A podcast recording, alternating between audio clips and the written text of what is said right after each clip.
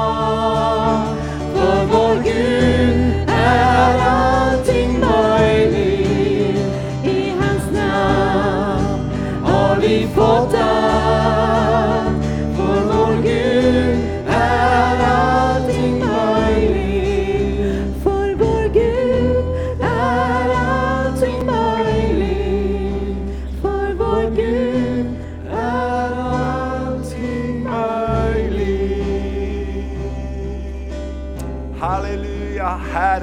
Tackar dig för att för dig är allting möjligt.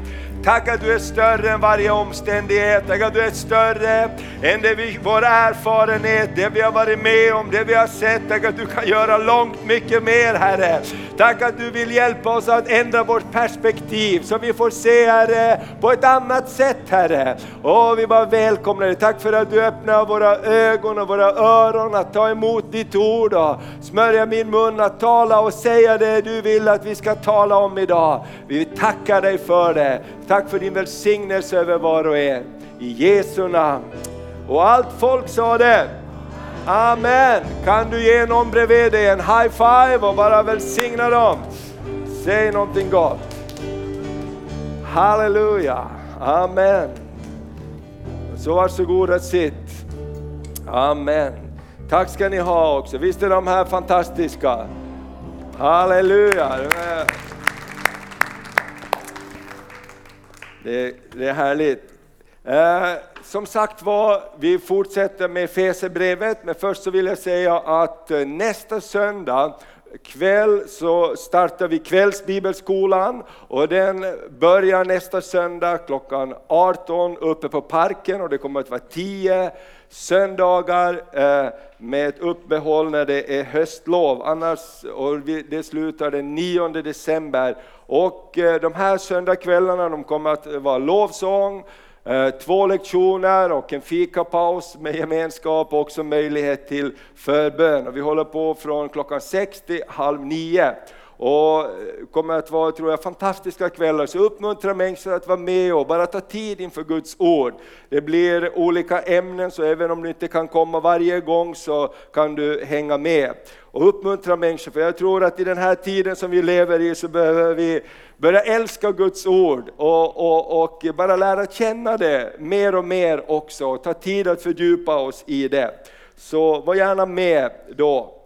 Okej, vi pratar om Efesierbrevet, en serie på sex söndagar med eh, sex kapitel givetvis. Så du kan jättegärna läsa ett kapitel inför söndagen, det vi ska prata om. Nästa gång så är det kapitel 3 och då kommer Johannes Sundin att predika.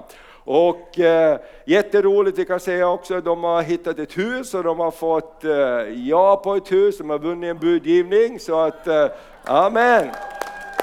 Så imorgon ska han komma och skriva, så det är jätteroligt. Och det är borta här i Sund, inte alls så långt bort. Så jätteroligt, de är så taggade att flytta upp här och vara med. Eh, lite grann bakgrund till Efesierbrevet. Eh, och eh, det var en av de större städerna i romarriket. Det var en hamnstad med cirka 200 000, 250 000 invånare, så var, det var en jättestor stad på den här tiden. Orsaken till att den inte bevarades, det var dels att vattnet drog sig undan, havsnivån sjönk och staden var, blev svårt att komma med, med fartyg och båtar till. Och så var det också några jordbävningar som det var under historien och de byggde upp stan några gånger men till slut när vattnet försvann mera så blev det ointressant för det var inte en hamnstad längre. Och vi ser att Paulus han åker på sina resor, Efesos finns där i mitten. Och Paulus han stannar två år i Efesus, så vill du läsa ett spännande kapitel, läs Apostlagärningarna 19.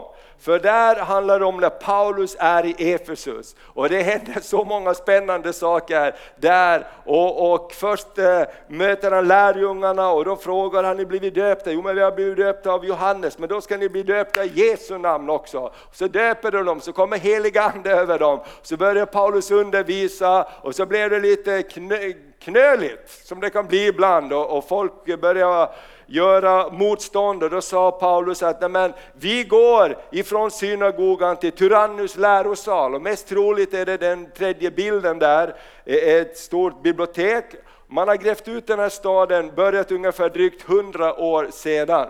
Och där fanns också i Apostlagärningarna 19 så ser man att hela stan kom i rörelse därför att Paulus utmanade de andemakter som fanns på den tiden och den här stora Artemias templet, gudinnan som, som eh, var en väldigt viktig symbol, så börjar Paulus predika, det finns någon annan, ett annat namn som är större än det namnet. Det är namnet Jesus, du behöver inte vara slav under andra namn. Jesus har kommit för att sätta dig fri och den där stora, stora gudinnan, hon är inte Herre, det är Jesus som är Herre. Och det blev ett sånt upplopp så staden samlades, det, det, det ryms ungefär 25 000. Vi har, jag har personligen varit där i den här teatern, det är helt otroligt.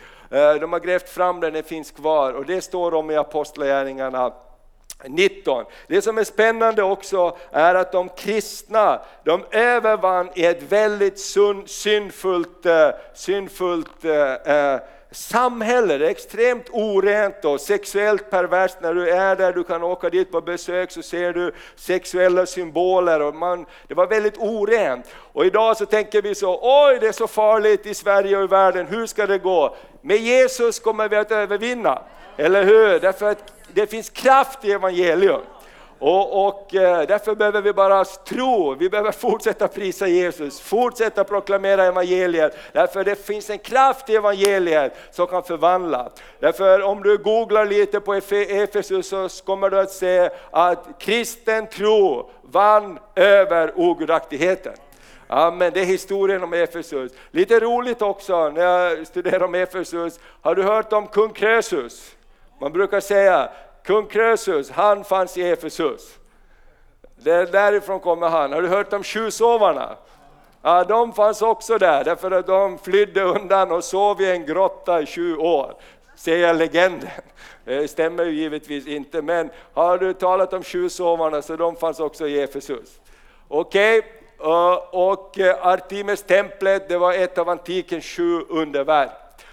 Okej, okay. och aposteln Johannes tog med Jesu mor Maria till Efesus och bodde där och det var ju också utanför Efesus som det finns ön Patmos och det som Uppenbarelseboken talar om. Men, så nu har vi lite bakgrund till Efesierbrevet. Jag tänker så här, låt oss inte fångas i alla möjliga konspirationsteorier om det ena eller det andra. Man blir riktigt ledsen ibland. Jag hörde i veckan någon som säger ja men Gud straffar Sverige för att det är så ogudaktigt och sänder en massa bränder över Sverige. Tro inte på sånt snack. Eller hur? Tro inte på det, därför att då tappar vi korsets evangelium. Medan vi alla var syndare Medan vi alla var syndare så lät Jesus dö på korset. Jag har personligen mött eh, skogsägare som är gudfruktiga och ropar till Gud om beskydd. Skulle Gud straffa dem för att någon syndar i Stockholm? Jag tror inte ett smack på det. Jag tror inte ett smack på det. Så fokusera inte på alla möjliga dumheter, fokusera på evangeliet. Eller hur? Därför att i en syndfull värld som Efesus, som var mycket syndigare än vår omvärld idag, Amen, kunde evangeliet bryta fram. Så jag tycker att börjar vi fokusera på en massa olika saker, då börjar vi hitta en massa orsaker till allt möjligt och då blir vi inte fokuserade på kärlek. Eller hur? Gud älskar till och med de som inte vi tycker om. Kan vi säga amen? Amen. Det är det som är så fantastiskt med Gud. Att ibland så tänker vi Gud, men Guds kärlek bara går ut till alla människor. Gud älskar Isis-mördarna till och med. Och vi säger Gud bara ta bort dem från jordens yta, det är hemskt. Men Guds kärlek går ut till dem. Paulus var en mördare, han mördade de kristna.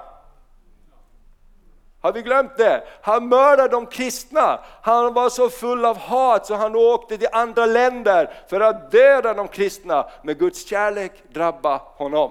Halleluja! Guds kärlek förvandlade Paulus liv. Och jag har just läst en, en spännande bok av Wille Mannyste, eh, eh, Jag såg vägen till Irak, när han berättar om det här eh, arbetet i Irak som Gud har öppnat, hur Gud frälser muslimer, men också mötet med alla dessa som har flytt för sina liv och fått sina hus sprängda, fått sina familjer våldtagna, torterade och hur Gud bara kommer till dem och uppmuntrar dem. Du måste be för dina fiender, du måste älska dem som förföljer dig och det finns någonting som förvandlar från insidan som är så mycket större än våra små saker. Eller hur? Och jag tänker det, jag tror Gud vill bara vidga våra hjärtan. Gud vill vidga våra hjärtan. Därför Guds kärlek kan faktiskt övervinna det mest hårda och besvärliga.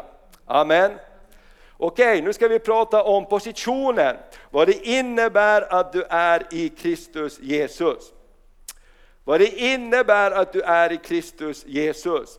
Och eh, hela eh, den här syftningen i Efesierbrevet så handlar mycket om att vara i Kristus Jesus, inte vara utanför Kristus Jesus. Utan precis som eh, Romarbrevet säger, så finnes du ingen fördömelse för den som är i Kristus Jesus. Utanför Kristus Jesus så har vi inte allt det som vi behöver. Och därför tror jag det är så viktigt, precis som vi har gjort här idag. Vi har varit tacksamma, vi tackar Gud för frälsningen, vi tackar Jesus. Tackar Jesus för att vi får vara Guds barn, för att vi får vara renade med Jesu blod, för att vi får vara tvättade rena och att Jesus genom sin nåd har lyft oss upp. Den här tacksamheten att vara ett Guds barn, den gör någonting med oss. Därför i Kristus där finns det allt vad vi behöver. Och nästa bild här så säger jag din identitet i Kristus. Med honom, genom honom. I kapitel 2 så står det 12 gånger har jag hittat att det står i Kristus, med honom eller genom honom så har vi blivit välsignade. Och jag hittade en fantastisk bild här också. Eh, där, där, där det är som en bild att Jesus klär på oss nya kläder. Vi blir iklädda Kristus. Vi har vår sorgedräkt och vi har våra problem, men vi blir iklädda någonting annat. Och när du är frälst så har du blivit iklädd rättfärdighetens mantel. Och, och, det är någonting helt fantastiskt. Och det här bibelordet här i, i Efesierbrevet 2.13 som säger så här, men nu genom, kan vi, kan vi läsa det här tillsammans? Men nu genom Kristus Jesus har ni som tidigare var långt borta kommit nära genom Kristi blod. Amen.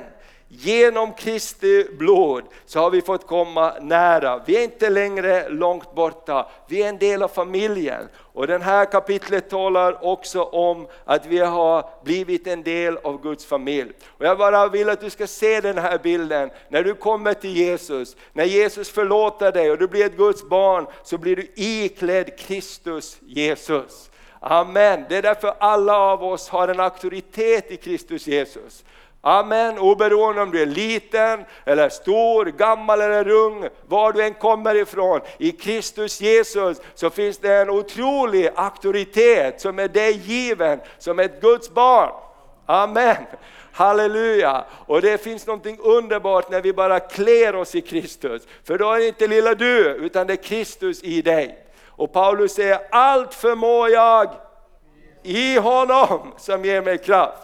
Och alla vet att du förmår inte alltid din egen kraft, men allt förmår vi i honom.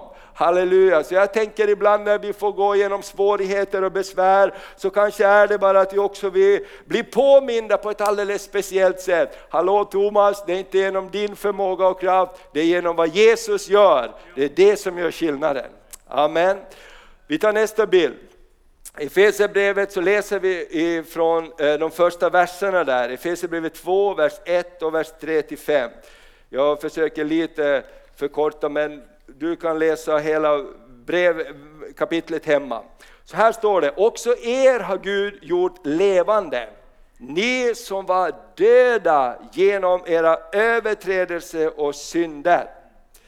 Bland dem var vi alla en gång när vi följde våra kötsliga begär och gjorde vad köttet och tankarna ville. Av naturen var vi vredens barn, precis som de andra. Det är vår utgångspunkt. Vi har ingenting att berömma oss, ingenting att berömma oss av oss själva. Vi är alla förkorta. Och så står det så här, men Gud som är rik på barmhärtighet, kan du säga rik på barmhärtighet? Har älskat oss med så stor kärlek, även när ännu vi var döda genom överträdelser, att han har gjort oss levande med Kristus. Av nåd är ni frälsta. Prisat vare Herrens namn. Av nåd är ni frälsta. Amen! Och det är det som vi aldrig får glömma, det är Guds nåd. Varför kan vi tro Gud för Sverige? Därför vi tror vi ber om nåd för Sverige. Eller hur? Sverige beter sig inte som man ska bete sig i många områden, men det betyder inte att Gud inte älskar Sverige. Gud älskar varje människa som bor här och vi ber om nåd, nåd, nåd över Sverige. Och det är precis så frälsningen kommer, av nåd. Och du vet, det här är helt fantastiskt med Guds nåd. Hoppas att vi kommer att eh, få stanna till på det också med bibelskolan när vi pratar om Guds karaktär, om Guds nåd. Därför utifrån hans nåd så kan vi agera. Vi kan ta nästa bild. Guds nåd, nåd det är Guds vilja och hans möjligheter för mig. Guds nåd är som jorden som är redo att ta emot fröet. Guds nåd kan man säga är som ett potatisåker som bonden har gödslat och harvat och han har hållit på och grejat där så att det ska vara bra. Så när bonden kommer och lägger ner potatisen så kan man säga att han agerar i tro. Eller hur? För tron, halleluja, jag placerar den i en omgivning där den här potatisen kommer att få liv. Den är bara liksom en skrumpig potatis. Har du sett potatis när man tar dem på våren innan man ska lägga dem i potatislandet? Så är potatisen skrynklig, den ser inte så fin ut. Men ut ur denna potatis, när den sätts i rätt omgivning så börjar den växa och det kommer massor. Så nåden, det är Guds vilja och hans möjligheter för mig. Därför ibland så möter vi människor som säger, ja men det går inte för mig. Eller hur? Gud kan för alla andra men inte för mig. Och därför måste vi lyfta upp nåden. Nåden är Guds villighet att hjälpa mig i min situation. Hur många har någon gång bett om nåd? Halleluja! Vi ber om nåd, Gud ge oss nåd. Och vi ber om nåd ibland också när vi är i trängda situationer. Och nåd är så fantastiskt, jag är så tacksam för Guds nåd. Jag har fått en speciell nåd och jag är så tacksam för det. Amen. Eh, och tro, det är mitt gensvar på Guds nåd. Nåd plus tro är frälsning. I Efesierbrevet 2, vers 8-9 står det, av nåden är ni frälsta genom tron. Inte av er själva, Guds gåva är det, inte på grund av gärningar, för att ingen ska berömma sig. Och det är därför det här samspelet mellan nåd och tro är så viktigt. I Korinthierbrevet står det så här att alla Guds löften, så många de är, har i Kristus Jesus fått sitt ja och amen. Det betyder så här att Gud har ställt fram en jättekorg med alla löften. Vill ni ha dem så är de här. Vad behöver du för löfte? Ja men jag har sådana problem. Ja men vad behöver du för löfte? Det finns här, gå och rota i korgen så kommer du att se att det finns ett löfte för dig. Halleluja, det finns ett löfte från dig och när du i tro tar emot det löftet, halleluja, jag är ett Guds barn. Ja, ja, jag säger det igen, det förvandlar mitt liv när jag var så plågad och jagad av olika saker som bara plågar mig, att jag kommer aldrig att bli ett Guds eh, tjänare och jag, jag, jag kände att jag hade en kallelse, jag var på bibelskolan, men jag kände att allt var bara fel. Va? Och alla andra upplevde en massa starka grejer och jag upplevde ingenting. Jag var mitt i allting, men jag upplevde ingenting. Och, och, bara djävulen bara talar till mig, du, kommer all, du är alldeles för okänslig i din ande, du kommer aldrig att kunna tjäna Gud. Och jag, jag, blev så jobbigt för mig så till sist så bara gick jag ut, det var en stor konferens och jag hjälpte till där framme, jag var mitt i där allting hände, så jag gick bara ut. Och jag gick till kafeterian och så sa jag, kan jag få en stor glass? En glasstrut. Och så satte jag mig ner vid ett bord och så hade jag, gjorde jag upp med de här tankarna och sa om jag aldrig kommer att bli någonting, aldrig kommer att kunna tjäna Gud, så är jag i alla fall ett Guds barn. Och det räcker för mig. Close! Och så sitter jag här och äter glass så får det hända vad som helst. Och någonting hände, men jag glömmer aldrig den där glasstruten. Det var den bästa glasstruten jag någonsin har ätit. Därför någonstans så landade det i mig, jag är ett Guds barn. Jag är ett Guds barn. Det handlar inte om vad jag har gjort eller inte gjort, vad jag kan eller inte kan. Det handlar om att jag är ett barn till Gud. Halleluja, utifrån den nåden så kan vi göra någonting. Så tron är det där som äggas upp i dig. Ta del av Guds löften, gör någonting. Du vet att nåden är Guds möjligheter, tron är vårt gensvar. Och därifrån kommer också frälsning, därifrån kommer räddning i olika situationer. Och det är så fantastiskt med Guds ord, Gud säger ofta till oss det som inte vi känner själv. Gud säger till den svage, du är stark. Gud säger jag är din läkare, Gud säger jag är med dig, var inte rädd. Hur många gånger står det inte i Bibeln, var inte rädd. Därför att vi är rädda. Guds budskap är ett annat budskap och det är den här nåden. Och när jag säger Gud jag tar emot din nåd så kommer det, händer det någonting på insidan av oss. Nästa bild. Den här bilden så vill jag ha med, därför den här bilden förklarar frälsningen så fantastiskt enkelt och bra. Det är broillustrationen, vi brukar ha den på söndagsskolan, vi brukar ha den på olika Eh, Eh, när vi presenterar evangeliet. Men det finns ett avstånd, Man, människan är, har fallit i synd. Gemenskapen med Gud är bruten, Gud är helig. Och människan kan inte komma till Gud på en eget, eh, genom, eh, genom sig själv. Människan kan bara komma till Gud genom Jesus Kristus. Därför är det här budskapet, tror jag, i Efesierbrevet så viktigt. I Kristus, sa han till, till Efeserna, i Kristus där finns frälsningen. Och jag tror att glömmer vi det här, att det är bara Kristus som är, som är, som är bron, som, som överbryggar eh, skillnaden och gapet, så kommer vi att kämpa i egen kraft. Och när vi tackar Gud för frälsningen, när vi tackar Gud för korset, halleluja, så lyfter vi upp det här. Jesus, du har gjort bron emellan det är inte vi klarar av. Hur mycket vi än försöker, hur mycket vi än hoppar så kommer vi aldrig att komma över. Men Jesus, du gjorde en bro genom ditt kors. Ska vi säga tack Jesus? Amen. Tack för korset. Amen. Tack för korset. Halleluja. Och, och när vi tackar Gud händer det saker.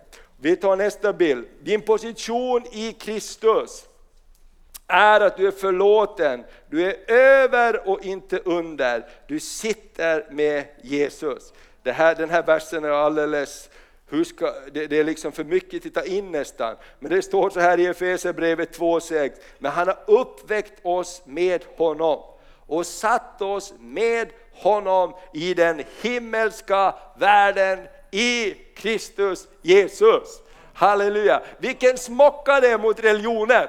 Eller hur? Religionen säger om du är riktigt duktig, Jim, så kanske du kommer upp ett steg. Och fortsätter du, kanske kommer du ett steg till.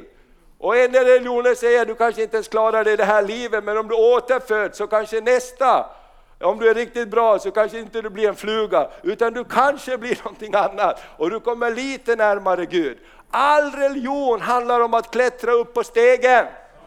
Men Gud sa, hallå, jag kommer ner till er jag kommer ner till er och jag lyfter er upp. Halleluja! I Kristus så har vi blivit upplyfta i den himmelska världen.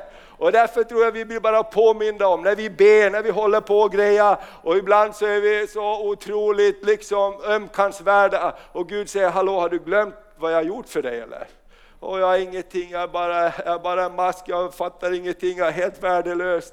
Men Gud, får jag komma till dig? Och Gud säger, är du mitt barn eller är du inte mitt barn?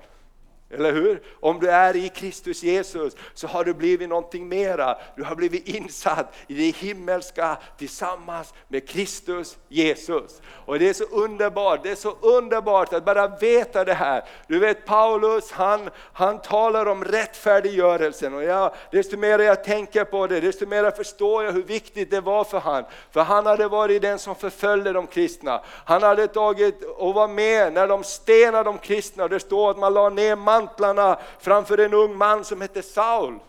Han som andades mordlust. Och hur viktigt var det inte det här för honom att bara bli etablerad det är Jesus, det är du som har gjort mig ren. Och han använder en juridisk term för rättfärdiggörelsen. Vi talade om den förra söndagen. Du är friköpt. Precis som man köper en slav från en slavmarknad, samma ord. Du är friköpt till full betalning. Och när djävulen kommer emot dig så måste du använda juridiken ibland. Eller hur? Jag är inte på väg upp, jag är inte på väg att bli välsignad, jag klättrar inte på en stege. Han har lyft mig upp! Jag är förlåten! Amen!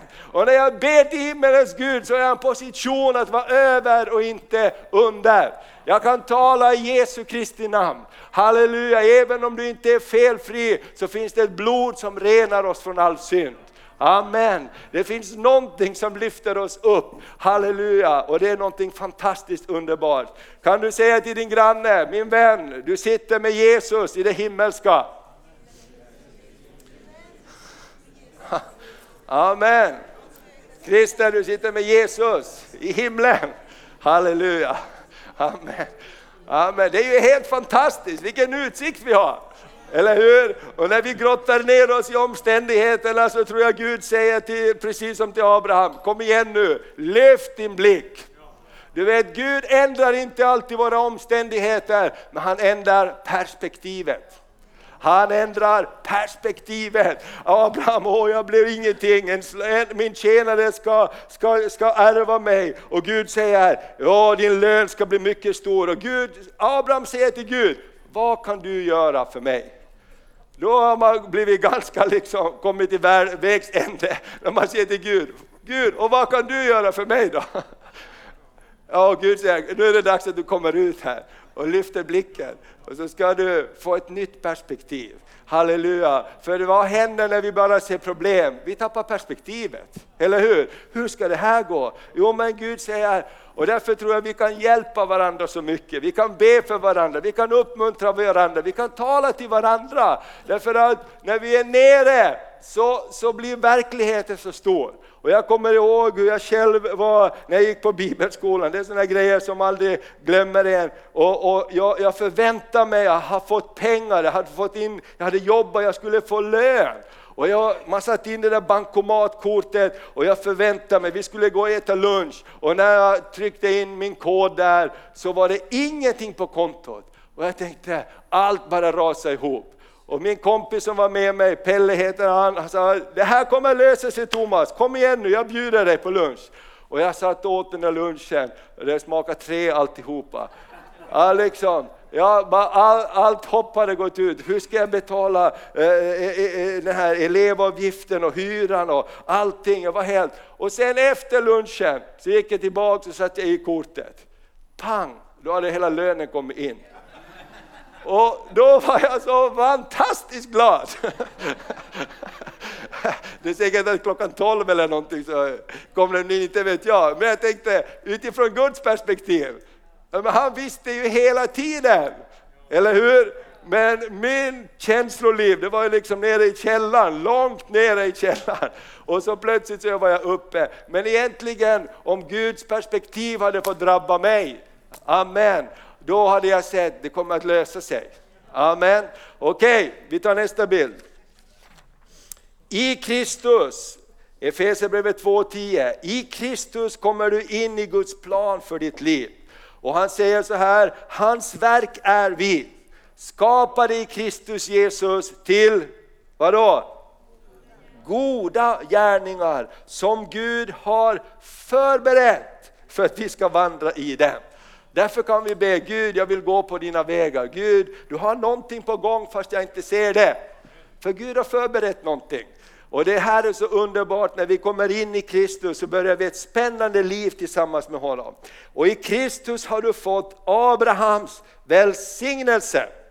Och det står så här från vers 12 till 13. På den tiden var ni utan Kristus. För de här i Rom, de var ju hedningar, de, var inte, de här i Efesus, de var hedningar, inte judar.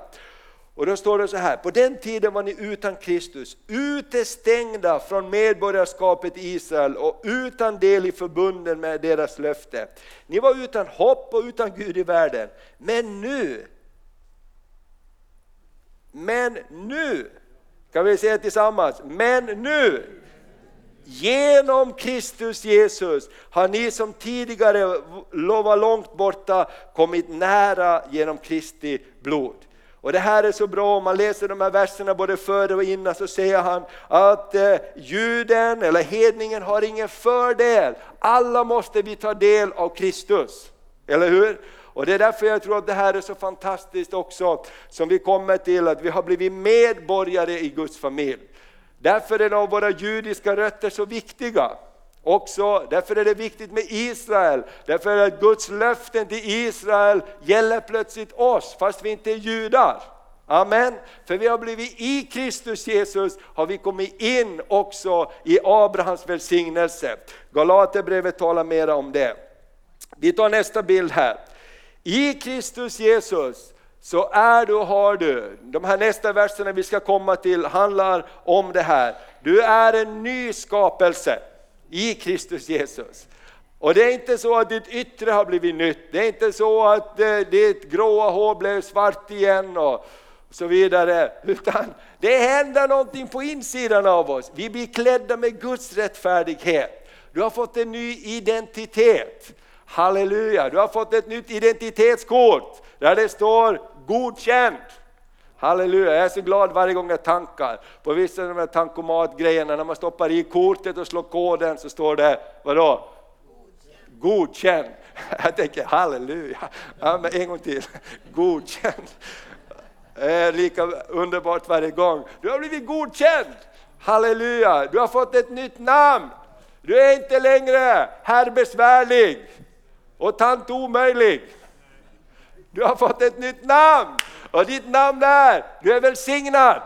Halleluja! Du vet att i äh, Moseböckerna när vi läser där Abrahams välsignelse, så fjärde Moseboken 6 så säger Gud till Aron, till Mose att han ska säga till Aron, du ska väl säga till Aron att han ska välsigna folket.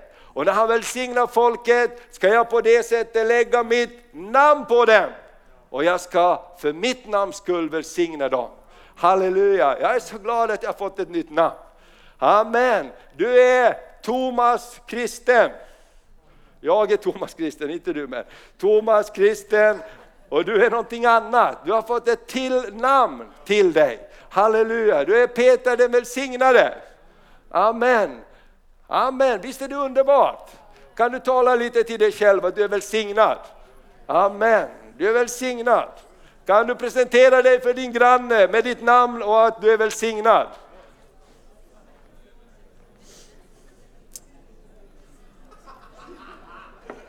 Amen. Prisat vare Herrens namn. Du har blivit medborgare i Guds rike. Halleluja.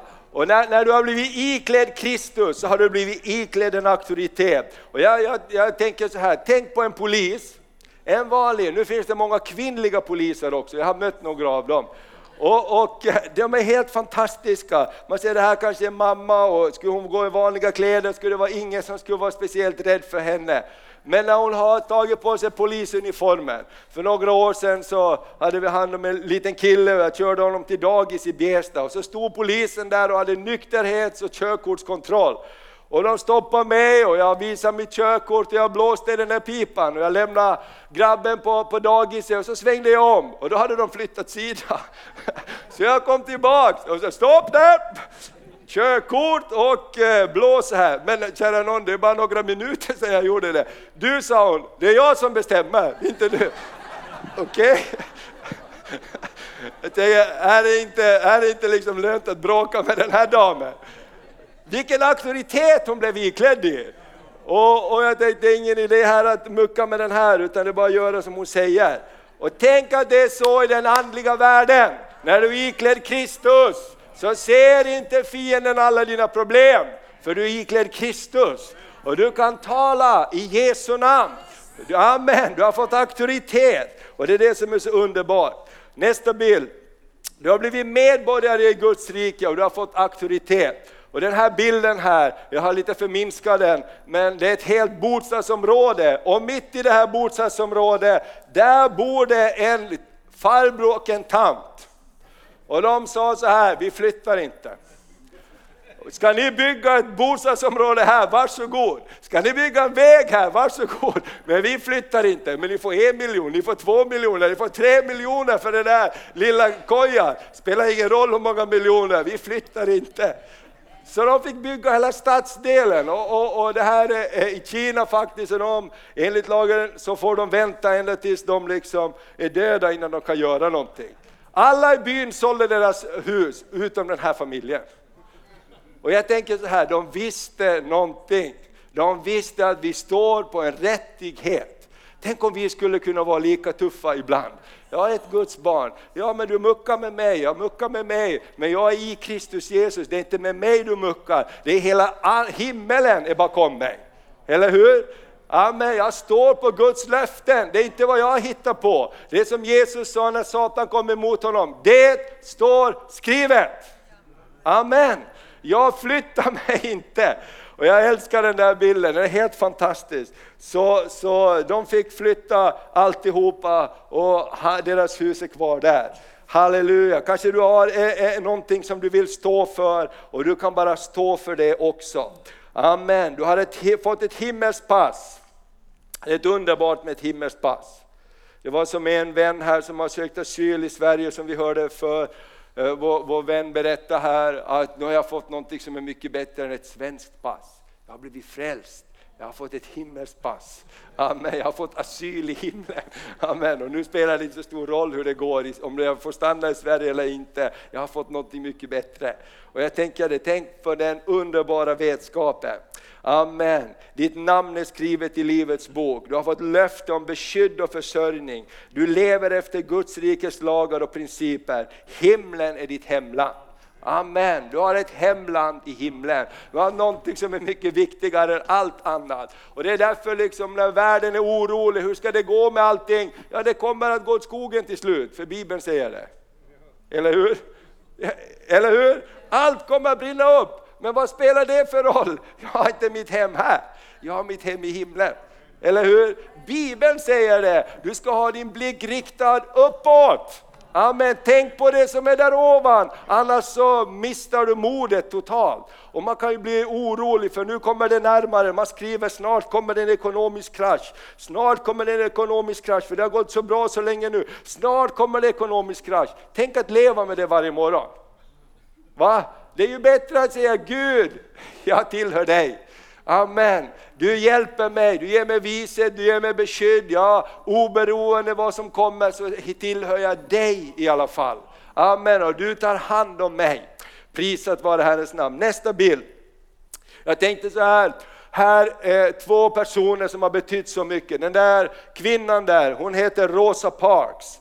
Det var en tjej i Amerika som vägrar stiga upp från sin plats i bussen. Hon satte igång hela, hela rörelsen med Martin Luther och, och, och fick en hel nation att förändra sig.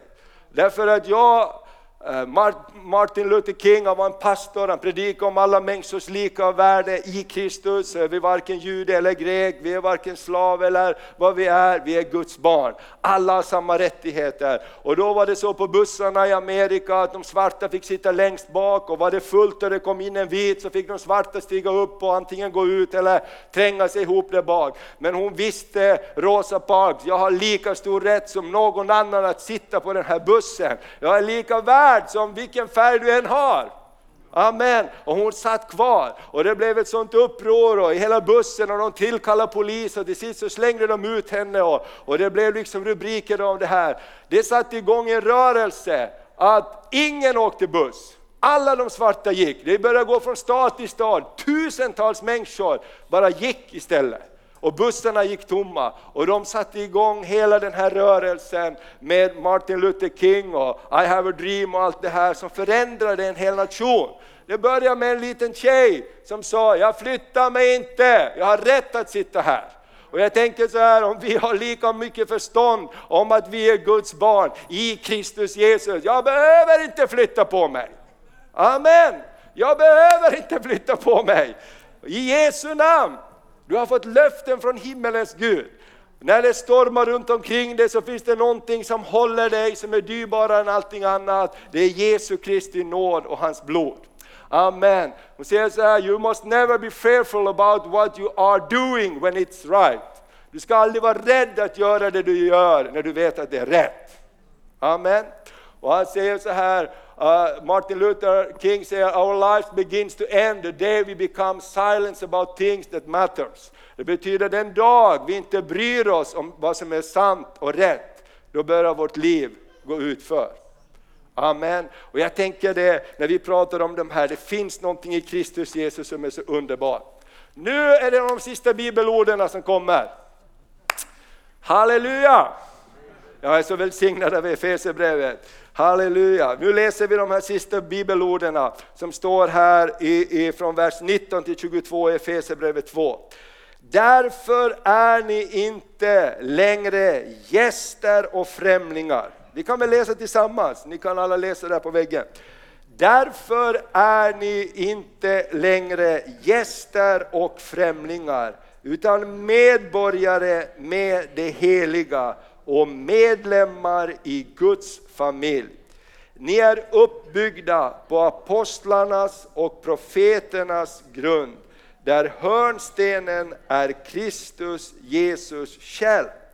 I honom fogas hela byggnaden samman och växer upp till ett heligt tempel i Herren. Och i honom blir också ni sammanbyggda till en boning åt Gud genom Anden. Amen genom den helige Ande så för Gud oss samman. Och jag tänker inte minst här idag när vi har hälsat nya medlemmar välkomna från olika delar av världen, spelar ingen roll var du kommer ifrån. I Guds församling så är vi bröder och systrar. Är du president eller brukar du eh, liksom sopa gatorna, spelar ingen roll. I Guds församling så är vi alla bröder och systrar. Det finns ingenting som är så vackert som Guds församling när den fungerar i enhet och harmoni. Amen, och det är det som Gud har gjort. Och nästa söndag så, så kommer vi att tala om Efesierbrevet 3 och det är perspektivet och att leva ut din kallelse till, he, till eh, hela världen. Och Johannes Sundin kommer att tala om det. Så läs gärna om kapitel 3 inför nästa söndag också, så är du förberedd. Och den börjar med en bön. Den, den, den, den, den, det kapitlet. Därför böjer jag Paulus mina knän.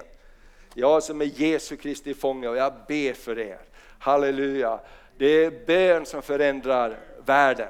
Halleluja, bön förändrar omständigheter, bön förändrar våra liv. Vi blir beroende av Gud och för Gud är allting möjligt. Halleluja, ska vi be tillsammans? Amen. Herre, vi bara tackar dig för den här söndag förmiddagen. Tack för ditt ord Herre, tack för förmånen att få studera Efesierbrevet tillsammans. Tack att du gjorde ett mirakel i en ogudaktig stad som andades eh, omoral och otukt och allt vad det var, där Gud kunde evangeliet bryta igenom. Så det står att hela den kända delen av världen fick höra evangeliet. Herre, vi bara ber att du ska uppväcka någonting i oss också, som du gjorde i Efeserna. Att det spelar ingen roll vem vi är, varifrån vi kommer. I Kristus Jesus har du gjort någonting nytt med oss. Vi har blivit medborgare, vi är en del av familjen. Du har gett Jesus auktoritet. Vi är iklädda Kristus Jesus. Och när fördömelsen kommer emot oss som försöker ta glädjen ifrån oss, så vill vi peka på Jesus. Amen, tack för blodet som renar oss från all synd. Herre, vi bara prisar dig för din nåd Herre. Och när vi kämpar i egen kraft och vi kommer ur nåden och, och det blir så tungt allting Herre, Ta oss tillbaks till Golgata kors. Ta oss tillbaks till den barnsliga enkla frälsningsglädjen, att vi får vara pappas barn. Att vi tillhör himlen, att vårt namn är skrivet i Livets bok. Om det inte blir någonting annat med oss så är vi i alla fall dina barn. Och vi tillhör himlen Herre. Och jag tackar dig för att du har drömmar också för oss, för att du har förberett goda gärningar. Vi bara i Jesu namn bara bryter udden av, av negativa tankar som bara bombar mot sinnen. Det finns människor här som har blivit bombade av negativa tankar och Herren bara påminner dig den här dagen att lyft din blick, jag älskar dig mitt barn. Lyft din blick, jag har förlåtit dig. Du behöver inte försöka klättra upp för den här stegen, jag lyfter dig upp. Jag lyfter dig upp säger Herren. Åh, jag bara prisar dig. Jag tackar dig att det finns läkedom i, i Jesu blod. Tack att det finns läkedom Herre. Åh, vi bara prisar dig för läkedom. Tack att det finns hjälp att få för var och en. Vi älskar dig Jesus och vi prisar dig i Jesu namn. Amen. Vi kommer också att ta tid att be tillsammans givetvis idag. Här när Hasse och, och Mercy kommer avsluta så kommer vi också att ge tid för förbön. Och känner du att du vill ha förbön, känner du att du behöver bli omsluten. Behöver du kanske få en kram av någon broder eller syster. Ibland behöver man bara bli påmind, jag är en del av familjen. Amen, jag är del av Guds familj, vi står tillsammans. Amen.